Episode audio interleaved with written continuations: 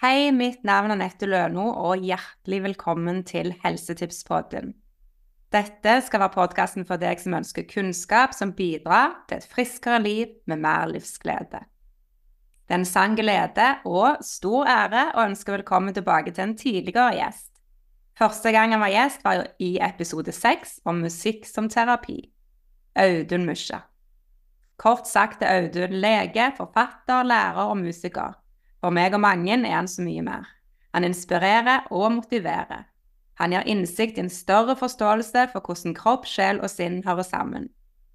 Jeg har vært heldig med å gå på kurs i Stavanger-gruppa i mange år hos Audun. Hans nysgjerrighet og evne til å søke ny kunnskap og forståelse, og formidle det på en god måte, er unik. Det er Audun som uten tvil i størst grad har påvirka meg i mitt arbeid til å kunne forstå meg sjøl og mye helse bedre, og òg til å kunne hjelpe å forstå andre på en mer helhetlig måte. Hans arbeid setter spor for de som er heldige med å møte ham på veien, og jeg har gleden av å være en av de. Audun driver Senter for livshjelp sammen med sin kone Reidun. Deres arbeid bygger på over 40 års erfaring innen medisin, helse og utvikling. De legger vekt på hjelp til selvhjelp og verktøy til mestring, både ved kroniske alvorlige lidelser og for friske mennesker i alle aldersgrupper som ønsker vekst, helsebygging og selvinnsikt. De arbeider med konsultasjoner, foredrag, kurs og utdannelse. Spesialområder er mestringsmedisin, enhetsterapi, dybdemeditasjon, pust som terapi, stressmestring, trening, toning, lyd og terapeutisk stemme og musikk. Audun har ledet og veiledet en rekke nasjonale prosjekter innen helsevesenet, demens, parkinson, utviklingshemming og leder nå prosjekter for å hjelpe barn og unge med utfordringer i skolen. Han er kjent for å formidle et helhetssyn på mennesket gjennom inspirasjon, kunnskap og humor. Og han har skrevet mange bøker, som for eksempel Kunsten å dø, Kunsten å finne ro, Finn din indre kraft, Sannheten om mat, Mentasjon, De tibetanske ritene, meditasjon og pust. Siste boka han ga ut, heter 'Naturlig smertefri hva du sjøl kan gjøre'. Og det er dette temaet vi skal snakke om i dag. Om boka står det følgende Enten du har en akutt skade, kroniske smerter eller ubearbeidede følelser og traumer, i Naturlig smertefri får du hjelp. I mer enn fire tiår har dr. Audun Musja utvikla metoder for å lindre eller bli kvitt ulike typer smerter på enkle og naturlige måter. Nøkkelen er å forstå smertens veier. Og i boka får du banebrytende kunnskap om akutte kroniske og psykiske smerter, en unik samling smertereduserende øvelser, metoder og verktøy, behandlings-ABC for hele kroppen. I Naturlig smertefri deler mye både erfarings- og forskningsbaserte teknikker, som styrke- og tøyeøvelser, bevissthetsøvelser, pustemetoder, akupressur, refleksologi og massasje. Dette gleder jeg meg til at Audun skal dele om med deg som lytter. Velkommen, Audun. Hjertelig, hjertelig. Så kjekt å se deg i Stavanger igjen. Og du er her i forbindelse med å holde et foredrag. Jeg skal holde foredrag 'Kunsten å finne ro'. Ja. Og det var jeg så heldig med å få høre på når du var i Sandnes sist. Ja, ja. Så eh, det er det mange som kan glede seg. ja. Naturlig smertefri. Ja. Um, hva er smerte, hvis vi skal begynne der først?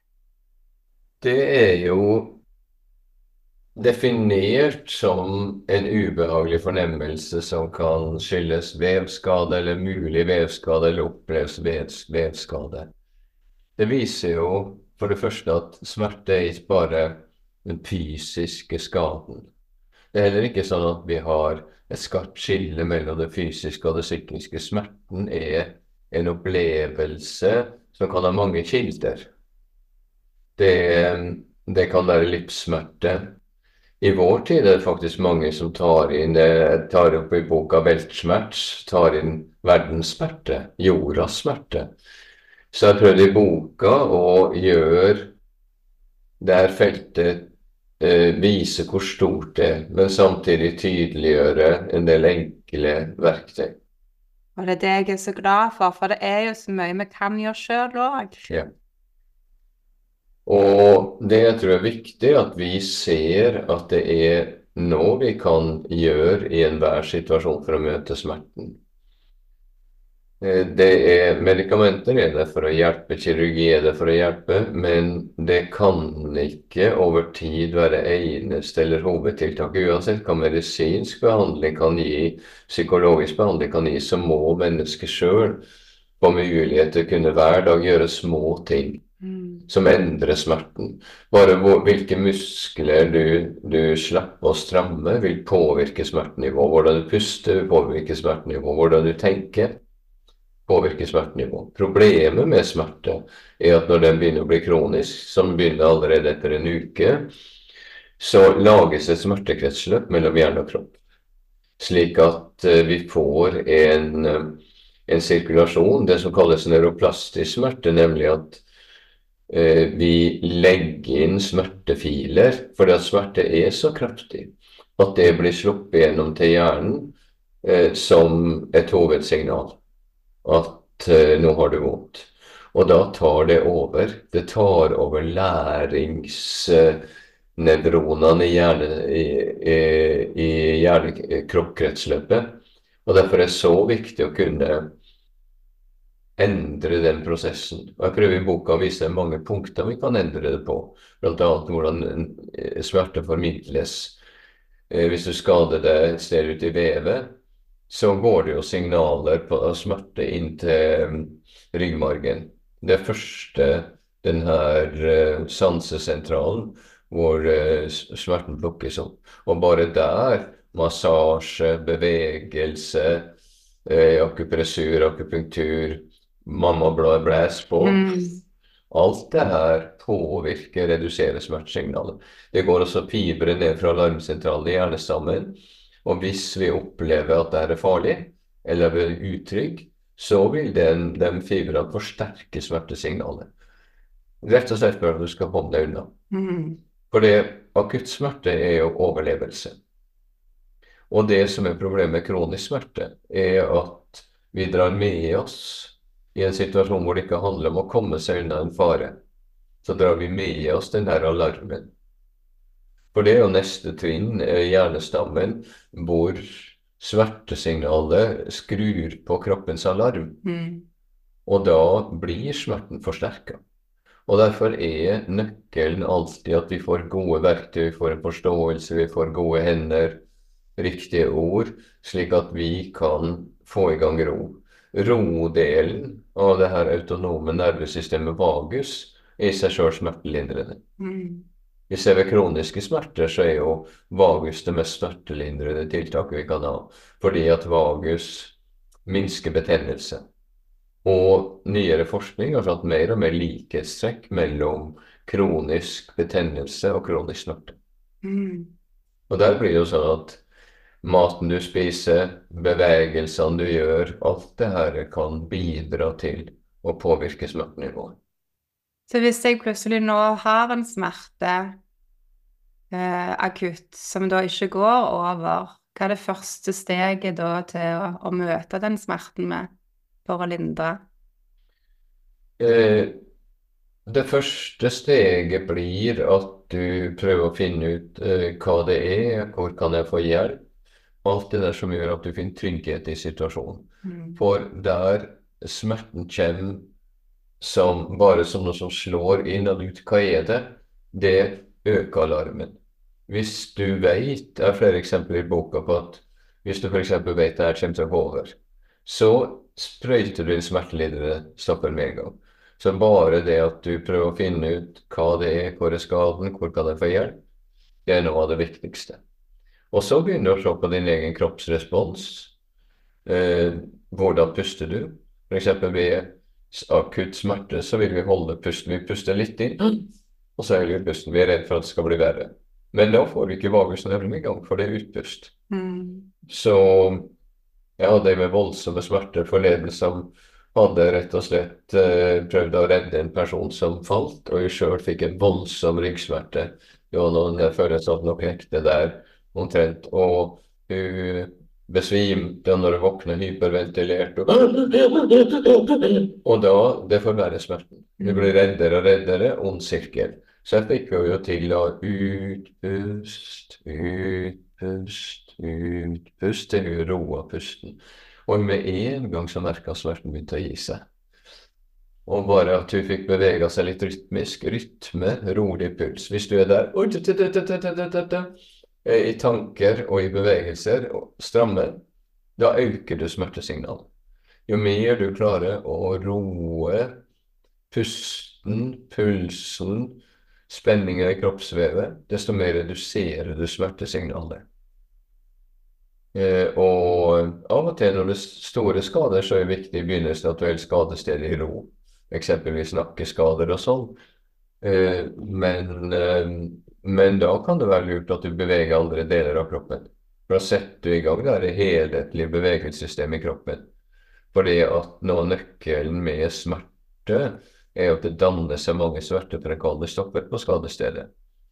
Og hvis du har dårlig sirkulasjon, så vil smerten forsterkes. Mm. Hvis du får i gang sirkulasjon, enkel massasje, eh, bevegelse i vevsvæska, små bevegelser i kroppen, så vil du lette transporten.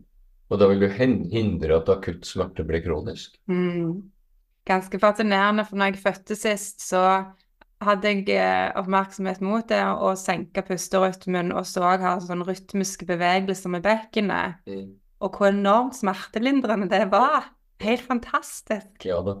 Med at flere fødende kvinner bare trent i forkant av når det her kommer. Det her kommer til å komme, det kommer til å bli utholdelig.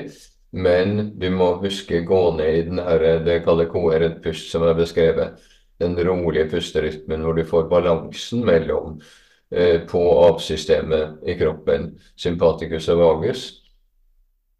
Vid ut, og, og, alltid da godta smerten, åpner vid ut på innpust.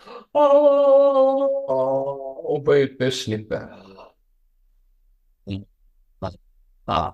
Og mange opplever også at lyd av en tone er mye mer smertelindrende Ei som hadde hatt uh, to fødsler som har vært så smertefulle, hun var livredd for når hun ble gravid igjen.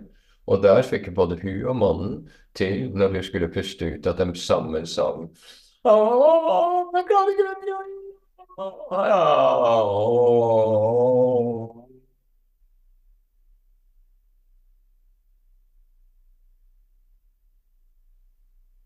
Og sånn pustet etter pust.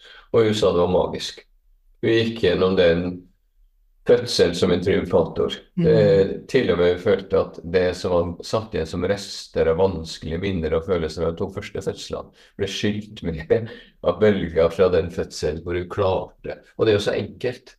Og så fint at du sier, for det er jo litt at akkurat det der med de to første fødslene, at hvis de sterke minnene òg kommer med videre, så kan det likevel være eh, uro knytta opp med det. Ja. Men det er da òg til og med få skylle ut det sammen med den følelsen av at det, dette fiksa jeg, dette klarte jeg. Det er nettopp det. At, uh, det er derfor det jeg jobber med, har, har merkelappen mestringsmedisin. For hvis vi klarer å få til den opplevelsen i denne situasjonen at dette mestrer Smerte er en del av livet. Mm. Og i det naturlig smertefri ligger ikke at du skal bli fri for noensinne å oppleve smerter, men at du kan oppleve en frihet i og rundt smerten.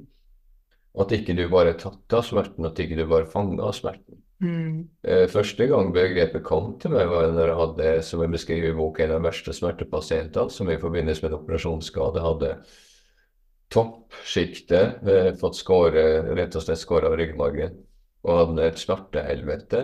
Men bare det å gi henne da noen eh, eh, øvelser med musikk til en indre reise hvor hun så å si frigjorde seg fra kroppen.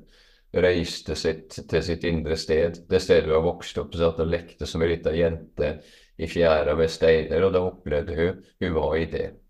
Og bare det når hun sa hun kom tilbake, smerten er jo der, men bare det at jeg kunne frigjøre meg helt fra smerten i de Og det forandra livet hennes. Mm. Ikke det at hun da ble magisk smertefri, hun levde jo med smerter resten av livet. Men hun kunne begynne å leve livet sitt. For hun visste at hun hadde steder å gå til. Hun kunne skape seg smertefrie rom, eller hun kunne Hun var ikke fanga inn i smerten, men hun kunne gå inn og ut av smerten. Det er en kjempeforskjell. Mm. Så, så det er så det er snakk om å gi folk fagre løfter om et paradis på jord, men å gi folk noe verktøy som gjør at vi alltid har et sted å gå. For det er jo det som er det verste med problemene våre. Vi fanger av smertene, fanger av angsten, fanger av traume. Og klarer vi å trene oss inn i små bevegelser.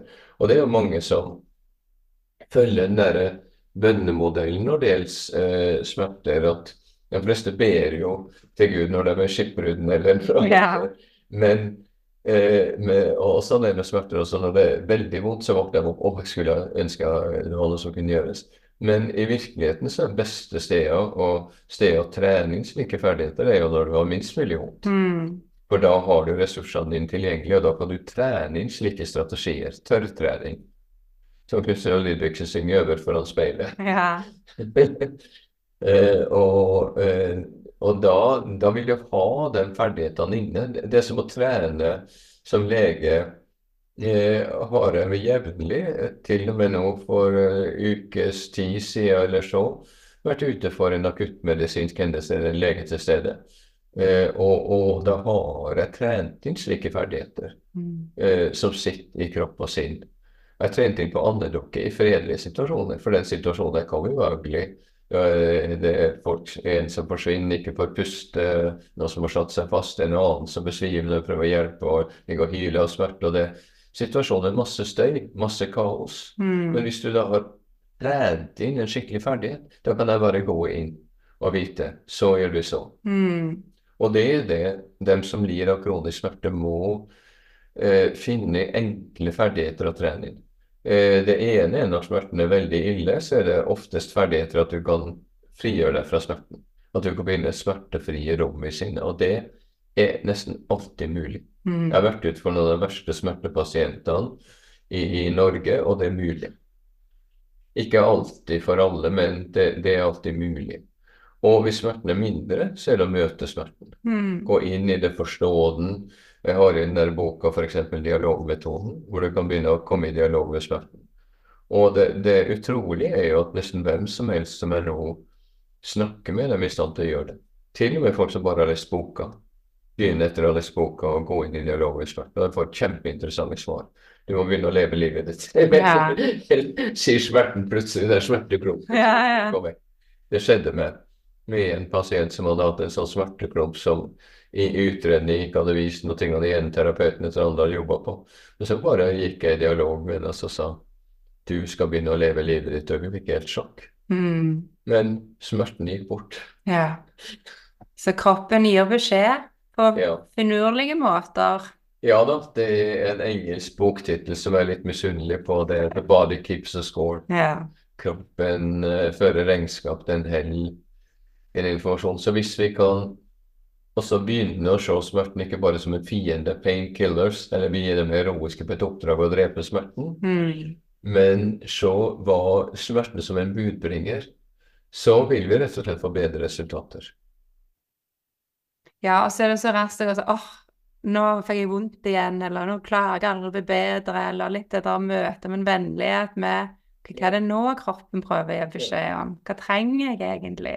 Jeg tror vi mennesker, eksperter, sier at folk er late og de må ta seg sammen. Eh, Når jeg undersøker kropper og snakker med mennesker, så er min opplevelse helt annerledes. Jeg opplever at folk tar seg sammen, de er tapre, de prøver, de prøver, de prøver. Og problemet er heller der. Mm. Jeg tror at vi må starte med en grunnleggende aksept, en grunnleggende godhet med oss sjøl, en grunnleggende vennlighet overfor oss sjøl og hverandre. For, eh, for det er lidelse på jorda. Smerte er en del av lidelsen. Det er jo sjølve det er grunnleggende uttrykket for lidelsen som ligger i livet. Og hvis vi kan favne den lidelsen, på et storsinn og si at ja, ja, nå kommer du igjen, og jeg skulle ønske at du ikke var her, men her er du nå. Mm. Og litt sånn han bluessangeren Ledbully sang 'Good morning blues, how do, blues, how do you do?' og bluesen svarer 'I'm feeling alright, good morning, how are you?' Og det er liksom, og litt humor inni der også. For det, har jobba med så mye lidelse, sykdom, død. Og har sett at midt oppi det hele sånn saving grace, ikke lettvint flirer ting bort eller ha-ha, nå skal vi ha det moro eller vi dere. Men litt inni det hele og så litt sånn ja, ja, ja, nå er smerten her Mm. igjen. Og like vondt har jeg i dag også. Og eh, at vi får inn litt fleksible måter å møte smerten på. Av og til klare å unngå smerten, sette fokus andre steder. Av og til gå dypt inn i det. Av og til kjenne på lidelsen fullt ut, pusten inn og opp. Av og til klare å, å le litt av det hele. Sånn at vi har flere strategier, Mm. ikke låst i én tilnærming. Det er det jeg har sett nå i det her arbeidet med kroniske smerter. Jeg har de senere årene også hatt mange grupper som har hatt ved Senter for livshjelp. Har også undervist for mange grupper med kroniske smerter. Det var det som utløste boka også. Mm. Eh, fordi at jeg så det behovet for at folk fikk gode verktøy som kan adressere alle dimensjoner av smerten, fra det enkle, praktiske, noen trykkpunkter som kan lindre, til det å gå inn i dype traumer. Vi vet jo at det kroniske smertet var en norsk doktorgrad, en allmennpraktiker, som oppdaga at veldig mange av disse som hadde vondt overalt, de var faktisk utsatt for traumer, overgrep, som satt i kroppen. De bad ikke så skål. Og det å adressere det også. Smerter kan være så mye. Og det jeg har prøvd i boka, er å gjøre noe som er dyptgående, vise helheten av det her, men samtidig gjøre det tydelig og konkret og overkommelig. Og det har vært den største gleden med boka, at folk opplever det. At de Mm. kan gå rett dit de opplever. Ja, min smerte er psykisk. Gå dit og se. Oi, wow, her er det noe. Mm. Da, det fyller meg med takknemlighet, for det er jo min drøm i mestringsmedisin at flest mulig i samfunnet, f.eks. dem som har smerter, kan føle at ja, men her er det noe jeg kan gjøre. Jeg hadde her en som har levd i smertehelvete i alle år, ingenting har hjulpet. Og så gjorde vi en øvelse, en meditasjon, hvor vi tok ladninga vekk fra noen muskler som ofte bærer i den tapre mestringa av smerte, og så begynte vi å aktivere andre bærende muskler. Og vi snakka om at det var akkurat som den muskelen begynte å skru seg på, og så var det akkurat som bare smerten forsvant. Og hun satt der, hun eh, med tårer i øynene til meg etter kursdagen og sa at jeg satt der for første gang på flere tiår smertefri. Og, og for meg er det enormt motiverende. Mm. Det er ikke bare én ting vi skal gjøre, men, men bare det å lære mennesker å aktivere de riktige musklene. Det er faktisk en av de veiene til å lindre og av og til gi som i hennes tilfelle smertefrihet. Så vil sikkert smerten komme tilbake. Men hun har opplevd noe fundamentalt. For hun, når hun starta, snakka med henne når hun starta på den der utdanningsforløpet som vi starta i helga, at hun hadde gitt opp. For hun hadde prøvd og prøvd i årevis, og ingenting hadde nytta. Mm. Og nå har hun ikke gitt opp, for nå vet du at det er mulig med noe helt enkelt. Du bare sitter og ikke gjør en skit, bare i meditasjon og aktiverer noen muskler. Så er det plutselig en smerte som i hverdagen ligger på fem på skala fra null til ti når hun har gode dager, og åtte-ni når hun er, har dårlige dager. Da, da er smerten den som rår. Mm. Og da veit hun at det finnes en vei. Og det er jo det en drømmer om å gi til mennesker. Jeg har sett også med alvorlig syke og døende kreftpasienter midt i store lidelser og slutten av livet, så kan mennesker oppleve der. Kommer plutselig opplag i sitt eget sinn. Et sted som er smertefritt, et sted det var fred. Mm. Og det er ikke noen fagre løfter, men det er metoder. Ja, så du sier jo også sånn med at hvis vi bærer en tung bør, og den muskelen får så mye eh, både gjerne emosjonelt og fysisk, og at noen muskler da ikke er så mye med, at det å bevege seg gir tilgang på en helbredelse. Absolutt. Og nå går vi jo kanskje mange av oss 80% av, tid av livet vårt på flatt underlag, at bare det med å bevege seg. I ulendt terreng og få aktivert mye mer muskler, gjør at sånn som sirkulasjonssystemet, men at muskler og gjør at uh, at kroppen har egentlig en har, som du sier, en naturlig tilgang på, på, på selvheling, da. Jo, jo. Og jeg utforsker mange paradigmer nå. Bare siste uka så har vi jo hatt eh, to kurs med eksterne lærere på senteret vårt. Det ene var jo det der med, med kraftig pust og kuldeeksponering.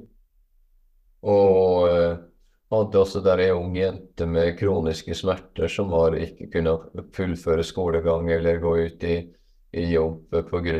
smertene, som også fører med seg slitenhet. Mm. Og bare se hun Sånne ting som gir meg drivkraft. Jeg var herfra til månen. altså hun ville være på hotellet når vi skulle gå i shorts i 10-12 kuldegrader oppover, oppover i fjellet. Eh, men jeg sa kan ikke bare være med og starte opp og ta de første stegene, kanskje opp til veien. Og hun gjorde det. Hun kom, hun gikk opp til veien, hun gikk videre. Hun gikk ikke hele veien, men hun kjente at nå er nok, så gikk hun ned. Og etterpå var vi ute ved hogga i isen et stort hull, hvor folk satt der inne i det isvannet ned rundt eh, tre grader da. Og hun satt der åtte minutter Mm. og kom ut av det kurset med ikke bare med en helt annen eh, tilstand når det gjaldt smerter og energi, men ikke minst en tru på seg sjøl. En tru på sin indre helbreder. Mm. Og så hadde vi også et kurs med Norges eh, OL-hopp i boksing. En ung kar som var vel også som har vært på, på foredraget med og tok kontakt, og vi har jobba nå sammen. Og vi lærer dem her som har stivna til i kroniske smerter. Koordinasjonsøvelser i boksing. Skikkelig kickasjon. Mm. Bare- gøy, ja. for du må lære, du, du, du lærer avanserte koordinasjonsferdigheter. Hadde et par stykker der også, smerte, smertepasienter eller mennesker med kroniske smerter, som opplever plutselig får en helt ny tilgang til kroppen sin. ja. Så det å utforske slike paradigmer, det, det syns jeg er enormt givende og motiverende. Og Og så er det skjer nå. Ja, og så er det så fint, for det at vi har tilgang på det alle, hver en av oss. Det trenger ikke å koste mye penger, det er et utstyr eller medisiner, men en form for bevegelse gir noen signaler som gjør at kroppen da kan slippe de smertene. De er enkle, naturlige verktøyene som ligger i vår egen kropp, vårt eget sinn og i rommet mellom oss, det er jo det mestringsmedisin skal utforske. Og det er jo veldig spennende, for vi får jo, etter at jeg skrev den boka, særlig så har jeg fått bare hver måned noen mye signaler fra folk. Vi skal i uka her nå på torsdag eh, skal vi holde kurs om nevropatiske smerter. For første gang skal jeg i gruppe der nå, mennesker som, som sliter med det å utforske. Mm. For det, eh, medisin kan ikke så si her har vi behandlingen av smerter. Det må være en dialog.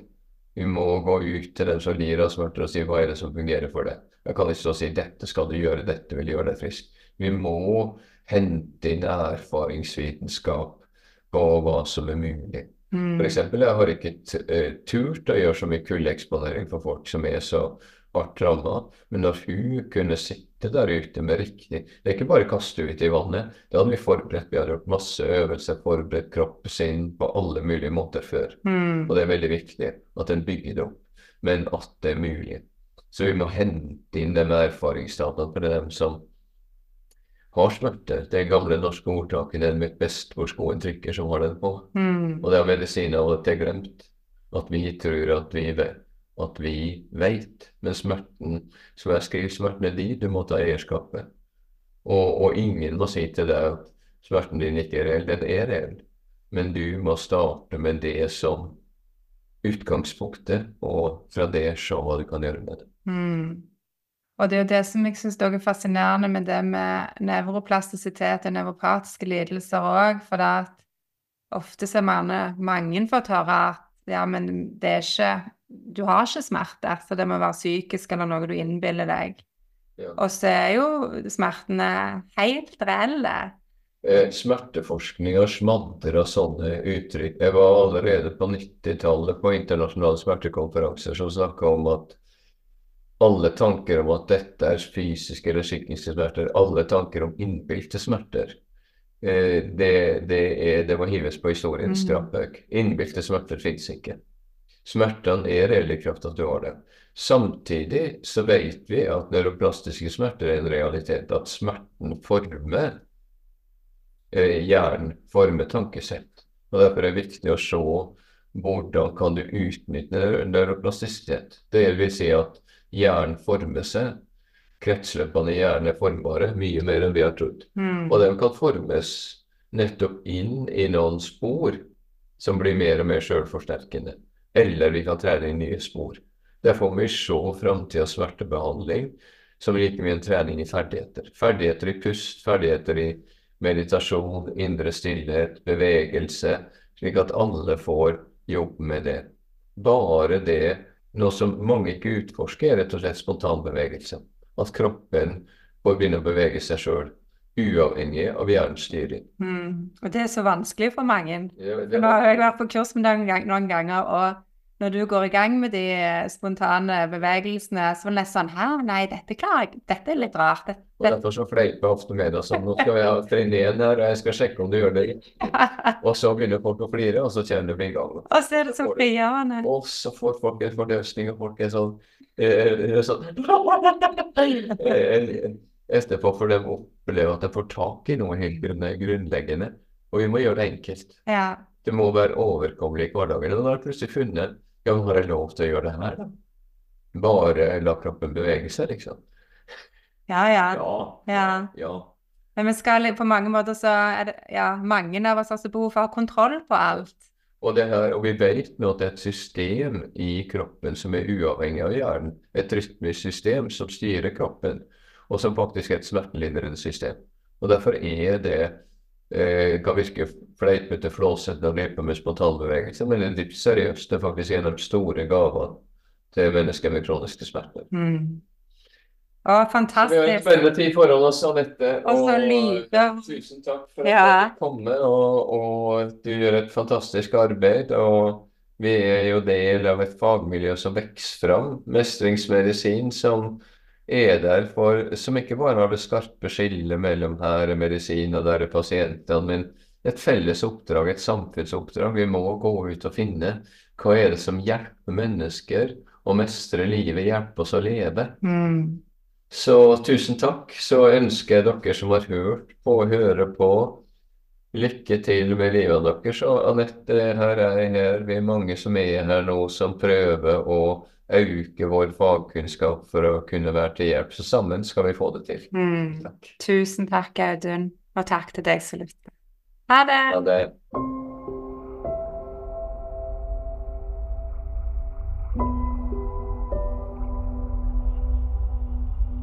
thank